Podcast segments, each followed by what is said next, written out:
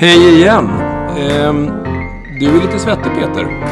Ja, vi har ju kört eh, röjsåg i Vassarna. Det var en upplevelse. Det var kul. Jättekul i två timmar och 20 minuter. Men de, den sista timmen då känner man att man inte är helt van vid att gå med en röjsåg på det där viset. Men eh, det finns ju ett skäl till att vi har lekt med, lekt med röjsågar idag, eller hur? Ja, det gör ju det. Vi, hade ju, vi jagar ju på bland annat en mark som har enormt stora vassbälten runt. Det är ju en, ja, en halvö egentligen. Och eh, det är inte sällan som det blir eh, grisjakt ute i vassarna, i de här enorma vassarna. Med de problem som det innebär. Och problem att komma till skott både för oss och för skyttar runt omkring eftersom grisarna gärna inte går ut. Ja, precis. Och, eh, så vi har, vi har gjort ett försök. Alltså, vi har dels gjort eh, skjutgator för, för ett par pass. Men vi har också gjort smalare sån här, eh, ja, möjligheter för oss hundförare att röra oss i, i vassarna. Och just den här vassen är ju typ 800 meter lång och 250 meter bred. Eh, och den är tät, tät, tät. Eh, vildsvinen går ju in där. Eh, de, ja, de, hundarna kan hitta dem där men framförallt får de upp, får hundarna upp vildsvin längre upp inåt landet på fast mark så brukar det bli eh, att vildsvinen rör sig snabbt ner mot vassarna för där är de ju trygga. Du vet ju idén om min, min idé om vilken ekvation vildsvinen lever efter. Yes. Eh, vildsvin lever efter tre parametrar kan man säga. Nummer ett är skydd. Nummer två är energirik föda. Och nummer tre, det som gör att grisarna är smarta, det är hur mycket energi går åt för att komma åt den energirika födan.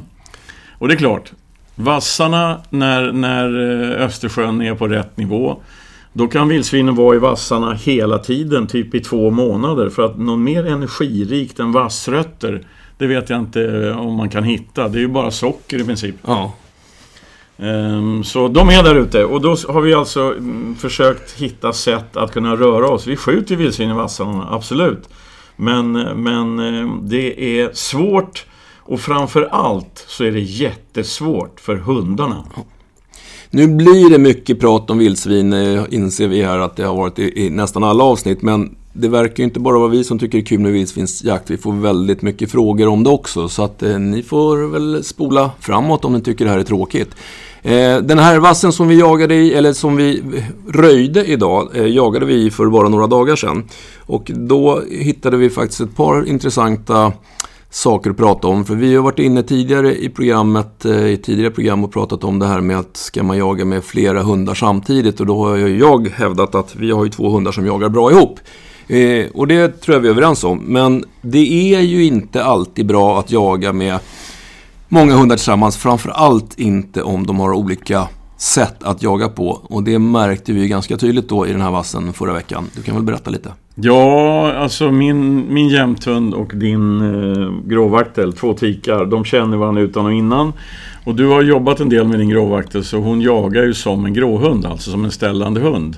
Um, de två jagar jättebra ihop, sekunderar varandra och så. Nu hade vi lite otur för att en kompis till oss har en blandras jag tror att det är en gråvaktel också. Ja, det är en gråvaktel också. Ja, eh, som är injagad på lite annat sätt och ett, har delvis ett annat jaktsätt. Eh, och det var, det här, den här historien är full av massa otur men, men eh, kompisen jagade med den här gråvakten som hittade vildsvin i den här jättestora vassen. Eh, vi åkte dit och eh, jag, för att få mer tryck på vildsvinen där inne så skickade jag in min jämthundstik för att hon, hon bryr sig inte om andra hundar överhuvudtaget. Um, och eh, du gjorde ju en stor supertavla, eller hur? Ja, eh, eftersom vi hade ju medvetet då just för att vi inte ville att de här tre hundarna skulle jaga ihop så hade vi jagat i ett område och vår kompis i ett annat med sin hund.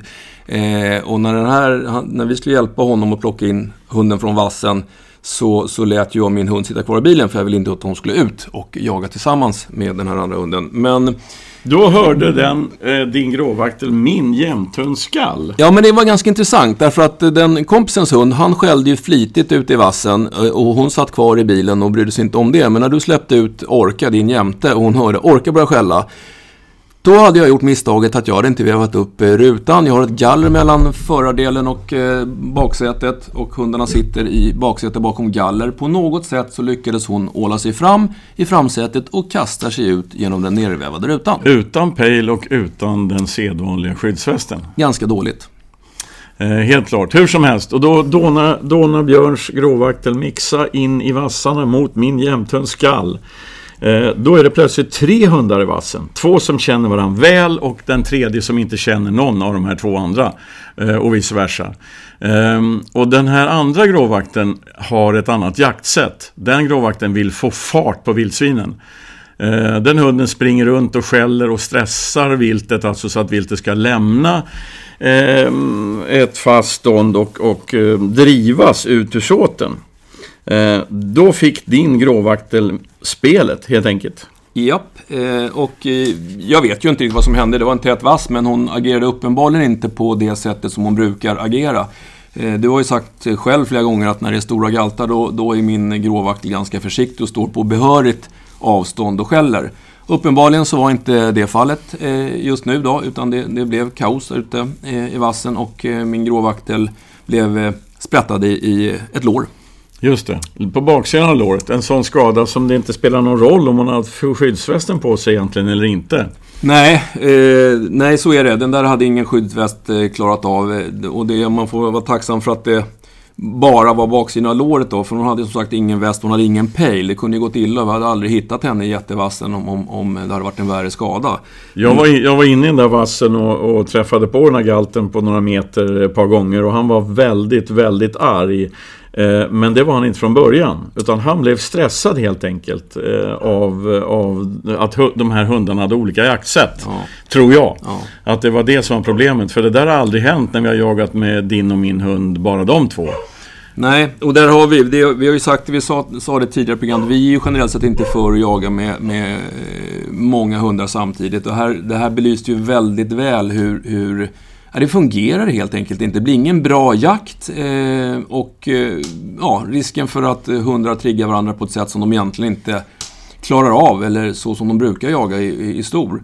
Nu låter du lite irriterad och det är bara för att eh, eftersom hon blev sprättad i rumpan eh, 4 cm på utsidan, 6 cm rakt in i muskeln vilket innebär att hon är bänkad nu i 14 dagar. Ja, och det... Så nu kan jag jaga och inte du. ja, och det, alltså, det låter som den här stackars hunden är skadad jämt, men här, hon är fyra och ett halvt nu. Jag tror att det här är första gången som hon besöker veterinären, bortsett från att hon är med mig på jobbet på dagarna. Eh, men den här säsongen, som inte har kommit särskilt långt, har hon varit nedsövd fyra gånger och eh, ihopsydd tre gånger och dessutom har jag plockat ut havre ur lungorna på henne. Så att det, det, har inte varit någon bra start på säsongen. Och mest irriterad är jag ju för att, eh, ja, vi, alltså jag vevade inte upp rutan. Vi hade ju aldrig förutsatt att hon skulle hoppa ut genom bilen och ge sig in i vassen. Men jaktlusten är stor. Men alltså, men jag tänker så här att man, om man jagar vildsvin med spetsar, ställande hundar Eh, jag, det ramlade ju en, en, en, annan galt för, för min jämte bara i förrgår. Um, och det, jag ska bara kort berätta om det. Alltså en, en, en spets som jobbar på klassiskt sätt, alltså en spets som, som om det vore en älg. Eh, som som eh, ligger på, talar om var vildsvinet är någonstans, håller avstånd, läser av vad det är för typ av vildsvin och anpassar sin, sin närheten då till, till vad, det är för, vad det är för gris helt enkelt. Eh, hon fick stå 45 minuter, sen började långsamma gångstånd och då, då är det bara att ställa sig på en löpa. Mm. Då kommer hon in med mm. gångstånd, det blir lugnt skytte. Mm. Hon alltså grisen är inte stressad. Nej. Um, så att vill man jaga som på drevjaktsätt, vilket jag har full respekt för. Jag höll på massor med sånt förr. Jag hade sådana hundar förr. Um, det är helt okej, okay, men, men då ska man inte om, om jag nu får säga det, jag tycker man ska absolut inte använda klassiska spetsar alltså. Eh, tillsammans med drevjaktshundar. För då, skaderisken ökar mångfald. Det vet ju du som är veterinär. Jo, men det här, och det, det, är väl egentligen där som är de stora eh, huvudtyperna. Har man, har man ett antal drivande hundar som vill sätta viltet på benen som jagar samtidigt, då kan det säkert funka. Eh, kanske åtminstone fram till, till viltet är skjutet och så de inte börjar slåss där då. Men, men att jaga med, med två så olika jaktsätt som ställande hundar som jag ändå betraktar min gråvaktel som och, och din jämte tillsammans med drivande hundar, det blir inte bra. Eh, sen kan man ju lägga till också att i, i södra Sverige, eftersom det jagas så mycket vildsvin, så finns det mängder med spetsar som är injagade på det viset att man skjuter springvilt för dem. Mm. Ehm, och, och gör man det, det vet alla som har spetsar, skjuter man springvilt för en ung ställande hund då kommer den bli drivande alltså. Ja. Eh, och det finns, jag har träffat på många sådana gråhundar och andra spetsar. Eh, det där väljer man ju själv då, men jag vill jaga med, med rena ståndhundar. Alltså det, jag tycker det är... Skaderisken är liten och det är roligare jakt alltså. Eh, jag kan ju ta då lite kort, eh, för det här var ju en jätteklassisk vildsvinsskada min hund fick. Eh, och det var ju... Det, jag hörde att hon fick stryk, men det var inte så att hon slutade jaga. Efter någon halvtimme kommer hon ut som hon gör och tittar till vad husse är och sen vänder hon och ska tillbaka in i vassen igen. Och då ser min bror som var med att det rinner blod på bakbenet på henne, så då tog vi in henne. Och, och utsidan var inte hon har mycket päls, men alltså det rann mycket blod, men det var ett hål som kanske var 2,5-3 cm, det såg inte så märkvärdigt ut. Eh, men jag åkte in då, för eftersom jag har sett det här förr så åkte jag in och hon fick sova en stund och sen så rakas och tvättas och sen så får man kolla upp det här såret. Och det är alltså 6 cm djupt, har kapat av en muskel på baksidan av låret. Ehm, så det, och det, är- det är liksom så... Eh, det, det ser, hudsåren eh, kan vara ganska små men en lång kraftig bete gör skada på djupet. Så att man ska inte bara utgå från att det ser ut att vara ett litet sår. Det kan vara litet på huden men djupt inåt. Så att, eh, vilket det var i det här fallet. Eh, och det primära i skogen, för det har vi också pratat om, vad gör man i skogen? Ja, nu blödde det, men det var inte så att det sprutade, utan, utan eh, jag, jag la inte ens något tryckbandage på. Eh, men, men annars är det ju det jag skulle ha gjort. Hade det varit en aktiv blödning så är det på med tryckbandage och sen så tar jag mig till veterinären. Jag gör inget mer i skogen. Och då är vi tillbaka till våra elastiska bandage och allt som vi har pratat om förut. Bra, och sen handen på hjärtat då. Om det, om det var en, en annan hundägare som kom in med en hund med den skada som du nu har beskrivit att din hund fick. Hur lång rehabiliteringstid? Hur länge ska hunden vila innan den får släppas igen? Ska vi... ja, jag skulle ju säga att eh, för att en muskel ska läka bra så bör man nog vänta i alla fall uppåt en tre veckor. Hur länge tänker du vänta, Björn Nu Lindvall? tar vi nästa fråga. Jag har Bra. en fråga här. Eh, så, det är så här Peter, apropå grisar. Eh, och vi får ju som sagt mycket frågor om grishundar. Eh, det är en kille här som har en spets, odefinierad spets. Men, men en spets uppenbarligen, den har väldigt svårt att få grisarna fast i upptaget. Ja, eh, förmodligen så blir det, det, blir, det, blir ett, det blir påstick och sen drar vildsvinet och sen blir det ståndskall någon annanstans. Jag tror att det är det som är problemet. Och, och det här, nu ska jag säga en sak som jag tror och liksom någon sorts egen teori eh, som kanske inte är så populär i alla lägen. Men jag tror att vildsvin är så himla smarta. Alltså de är så smarta. De lär sig hur man ska undvika problem med, eh, med hundar. Och jag tror skälet till det där är att det jagas ganska mycket med hundar eh, som har alldeles för dåligt förföljande. Alltså man jagar vildsvin med hundar som inte hänger på. Eh, då tror jag att vildsvinen har lärt sig, hoppsan det kommer en hund, det enda jag behöver göra är att- att att springa en kilometer, då släpper hunden. Eh, så smarta tror jag vildsvin är. Ehm, men däremot, det vet ju vi också, på de marker där, där jag jagar, där man bara jagar med, med liksom rätt injagade spetsar, då står de i upptaget. Sen tror jag också, det finns en parameter till här och det är vilken årstid det är. Ja, För min vana är, min, min erfarenhet är att eh, vildsvinen står bättre ju senare på säsongen det är. energisparande. Energi, de är smarta, de sparar energi. Är det 10 grader kallt och, och skapligt med snö och sådär då, då är det lättare att få dem att stå fast i upptaget. Lite grann eh, tycker jag också storlek på gris. Alltså det känns som de här lite yngre grisarna, årsgrisar, de är, är lite mer benägna att ta till flykten än de här lite äldre rutinerade. Kan, håller du med eller? Eh, ja, både och alltså. Eh, det, visst, visst kan det vara så. Eh, och där är en annan intressant sak. Jag var jagade med en kille häromdagen eh, och eh, Orka jobbade med gris, var gångstånd fram och tillbaka i en, en stor tätning. var inte någon vass den gången, det var en plan, risig plantering. Eh, och de här grisarna lät väldigt mycket, gruffade, alltså man hörde dem liksom. De nöffade kan man säga. Eh, ganska dovt och grovt och killen var helt övertygad om att det var 150 kilos grisar. Men min erfarenhet är att det är brungrisarna som pratar. Ja, det tror jag Om man hör att det brakar i skogen och det är helt tyst och hunden skäller på gris. Då är min erfarenhet att då, ska man, då kan det vara så att det kommer en, en ganska präktig, eh, präktig, bastant gris framför hunden. Men, eh, men det där är, det finns så många, många, det finns så många idéer om det här som vi, man vet inte. Vi måste påminna om det här. Det här är våra åsikter och våra erfarenheter. Det finns ingen sanning i det här. Ingen blir fullärd i den här branschen. Den saken är klar. Men, men det här med att det är svårt, att, att den här hunden har då svårt att få fast eh, grisarna i upptaget. Är det någonting som på något sätt går att träna? Eh, jag tror att det handlar om injagning. Mm. Alltså, för att om man, om man har is i magen och gör som vi gjorde förr i tiden, nämligen att man har man en hund som man vill ska ställa ett vilt, då skjuter man absolut inte vilt i rörelse. Nej när hunden är ung. Ja, Utan det är bara ståndfasta vilt man skjuter. Är det så att man går in på ett stånd och, och vildsvinet eller älgen eh, kommer knallan, lämnar stånd och springer förbi en. Då skjuter man alltså inte. För då lär man en ung hund att belöningen kommer om det är full rulle. Mm. Alltså jag kan inte se att det är... Att det är och jag tror att det är svårt. Har man en hund som har vant sig vid att jag brakar på här så skjuts det framför mig när jag springer. Mm. Det tror jag är jättesvårt. Men med ett stort undantag. Har man en ren spetsras som är avlad på rätt sätt, det vill säga med de här ståndegenskaperna. Då tror jag att man kan bromsa det där genom att bestämma sig för att ingen skjuter springvilt för den här hunden Nej, en hel ja. säsong. Ja. För då kommer ju ingen belöning. Utan det, jag, mm, jag har hittills inte haft ens de problemen då. Men, men vill man få tillbaka ståndegenskaperna då ska man ge fan i att skjuta springvilt. Mm. Men det, du vet ju hur det är. Det är så många som man jagar numera med spetsar fast det är passkyttar överallt och relativt små såtar. Mm. Det innebär ju att viltet är förvarnat. Det, om man ställer sig runt en såt på låt oss säga 40 hektar.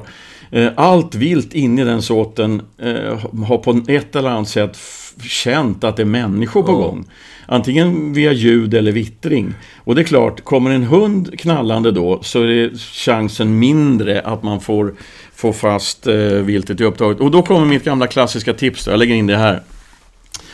Om, om du, om du med, med din gråvakter som är injagad som en spets vill verkligen visa eh, jägarna på en mark du är inbjuden till att jag har en ståndhund. Rådet är då, var där en timme, en och en halv timme innan ni ska samlas. Släpp rätt i vind och så när folk kommer, då har du ståndskall i skogen. Ja, då lovar jag dig att de jägarna som kommer kommer vara väldigt, väldigt tysta mm. och försiktiga och rätt i vind om de hör en ståndhund dåna in i såten. Mm. Alltså för att det, är svårare för en ståndhund att få fast viltet om, det, om, om viltet är på klövarna. Ja, om viltet är, ja. Det är liksom det är logiskt som jag ser det. Nu eh, Peter, jag måste lägga ut snusen så vi kör lite musiksnutt här. Okej, okay. då passar jag på att lägga in ner på brasan för det är jävligt kallt i jaktstugan.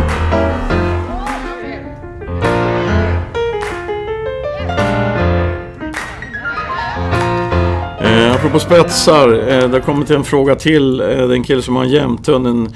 Jag tror att, om man minns rätt så är den sex år gammal och den jagade bra. Sen blev den sjuk. Eh, ganska länge. Um, sköldkörtelproblem.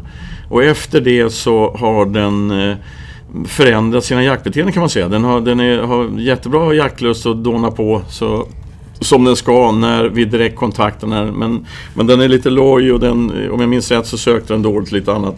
Sköldkörteln alltså, vad, hur stora är de problemen? Och, och, um, jag menar, kan det vara så att de, den medicinska påverkan, det medicinska problemet gör att hunden förändrar sitt beteende? Vad tror du? Ja, definitivt. Eh, det som var lite förvånande med den där frågan var att som, som vi tolkade i alla fall så hade hunden blivit behandlad eh, och eh, så, så, avslutades behandlingen och sen så, så eh, ja, återkom en del av problematiken. Och, och de sköldkörtelproblem som jag tror är, man refererar till här, det är någonting som heter hypotyroidism. Och det är alltså Tyroidea är samma sak som sköldkörtel på fint språk. Då. Och, eh, eh sköldkörteln producerar hormon och de hormonen är, de har en massa mm, egenskaper och funktioner men, men handlar mycket om ämnesomsättning, eh, aktivitet och så vidare. Och en hund som har för låg produktion av sköldkörtelhormon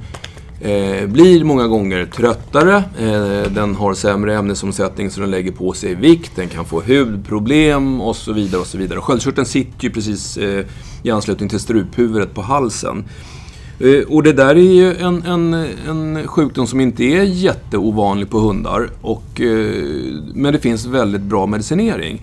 Det som är lite bökigt är att man, alltså det här, vad man gör helt enkelt att man tillsätter syntetiska sköldkörtelhormon eller tyroidehormon. Och eh, det är ju en livslång behandling för att det, ha, det, det, här är ju någonting då som, som inte går över. Man behandlar inte bort och sen är hunden frisk utan man får tillsätta sköldkörtelhormon i vanliga fall resten av livet. Och det där är, det är lite pyssel i början för man måste ställa in rätt dosering. Man börjar på någon typ av standarddos. Vissa hundar kan gå ner i dos och andra behöver mera. Eh, och sen så är det lite, man får ta regelbundna prover för att se att, att nivåerna ligger rätt. För det kan vara så att man börjar på en dos och så går det ett och ett halvt, två år och sen så måste man höja dosen lite grann. Så att, så att i det här fallet då så, är lite förvånad över att Ja, det lät ju som medicineringen nästan var avslutad eller så behöver man dit och kolla sköldkörtelvärdena igen. Det kanske behöver en högre dos. För att doserar man rätt så, så har man oftast en väldigt bra effekt av medicinerna. Men det här kan ju inte vara någon nyhet för veterinärer. Det, så det, det, det, det, kan, sånt här kan veterinärer? Ja, definitivt. Det här är ju en av de, hormon, en av de vanligare hormonrubbningar hos hundar. Eh, ja, men då kan det vara förklaringen alltså? Ja, det, eh. det kan det definitivt vara. För att man, man orkar mindre. Eh, ja, det finns en massa effekter med, med för låga sköldkörtelhormonnivåer. Så, att, så att rådet till den här hundföraren är alltså att tillbaka till veterinären, förklara problemen och ta nya prover och ställ in det, det här, den här medicineringen på rätt sätt? Ja, ehm, vi, kan, vi har ju faktiskt nästan inte tagit några lyssnarfrågor. Eh, det måste vi göra, för att eh, det har vi fått flera stycken. Och fortsätt gärna skicka in dem till jakthundarojakt.gmail.com så ska vi svara på dem i takt med att de ramlar in. Eh, jag har fått en lyssnarfråga om, på en, det är en ung vaktel som, ja, den, den, har väl inte jagat så många år men den, den, är ung och den driver rådjur med bra skall. Ganska korta drev visserligen men det brukar komma med åren. Men när den tar upp gris och tydligen också även älg så går den tyst. Ja, jag tror att det var till och med det är vaktens första säsong. Den här alltså. Den har inte varit pågått så länge. Ehm, den, och den här hundföraren undrade ju, ehm, har liksom sett, eller någon passkytt har sett att den har förföljt en älg utan att skälla och förföljt någon gris utan att skälla. Det låter inte som att den här har, hunden har jagat särskilt mycket. För mig är det så här att jag har, inte, jag har jobbat med hundar i många år eh, och gör det liksom halvårsvis och träffar enormt mycket unga hundar. Och jag har nog inte träffat en enda hund under två och ett halvt år som är mentalt vuxen i huvudet. Eh, för mig är det så här, alltså när hunden är ung då finns alla jaktegenskaperna, alltså de beteenden, beteendena hunden behöver när den jagar som den ska.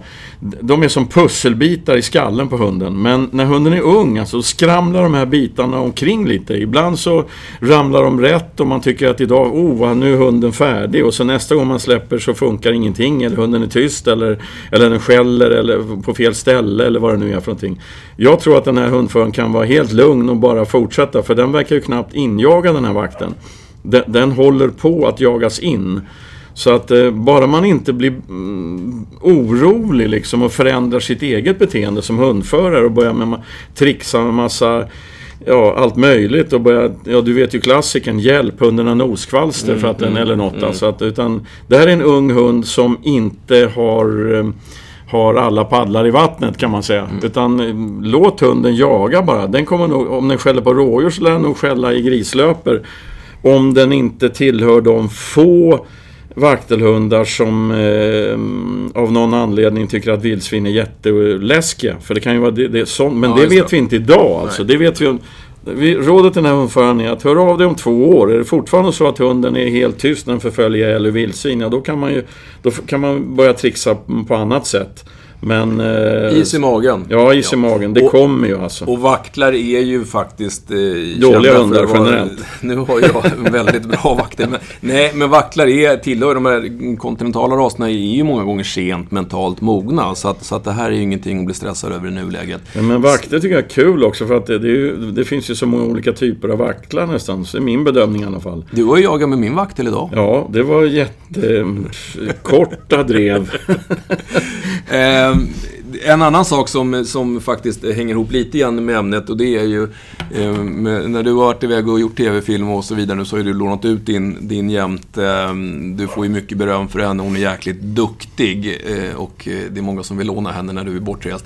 Eh, jag är partisk när det gäller mina egna hundar men jag tycker nog ändå att jag har fått fram en bra gråvaktel som är väldigt duktig på gris. Men, men och, och det får jag ju höra ibland.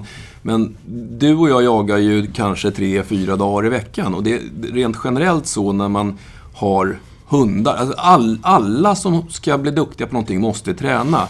Jagar man en gång i månaden eh, så man, kan man inte ha samma krav på hunden. Egenskaperna finns där när den är valp, men sen måste de ju träna regelbundet för att utveckla dem. Eller? Ja, och sen är det en väldig skillnad alltså om man bestämmer sig för att man, man ska mm, få fram en vettig apportör eller en hund som stöter under bössan.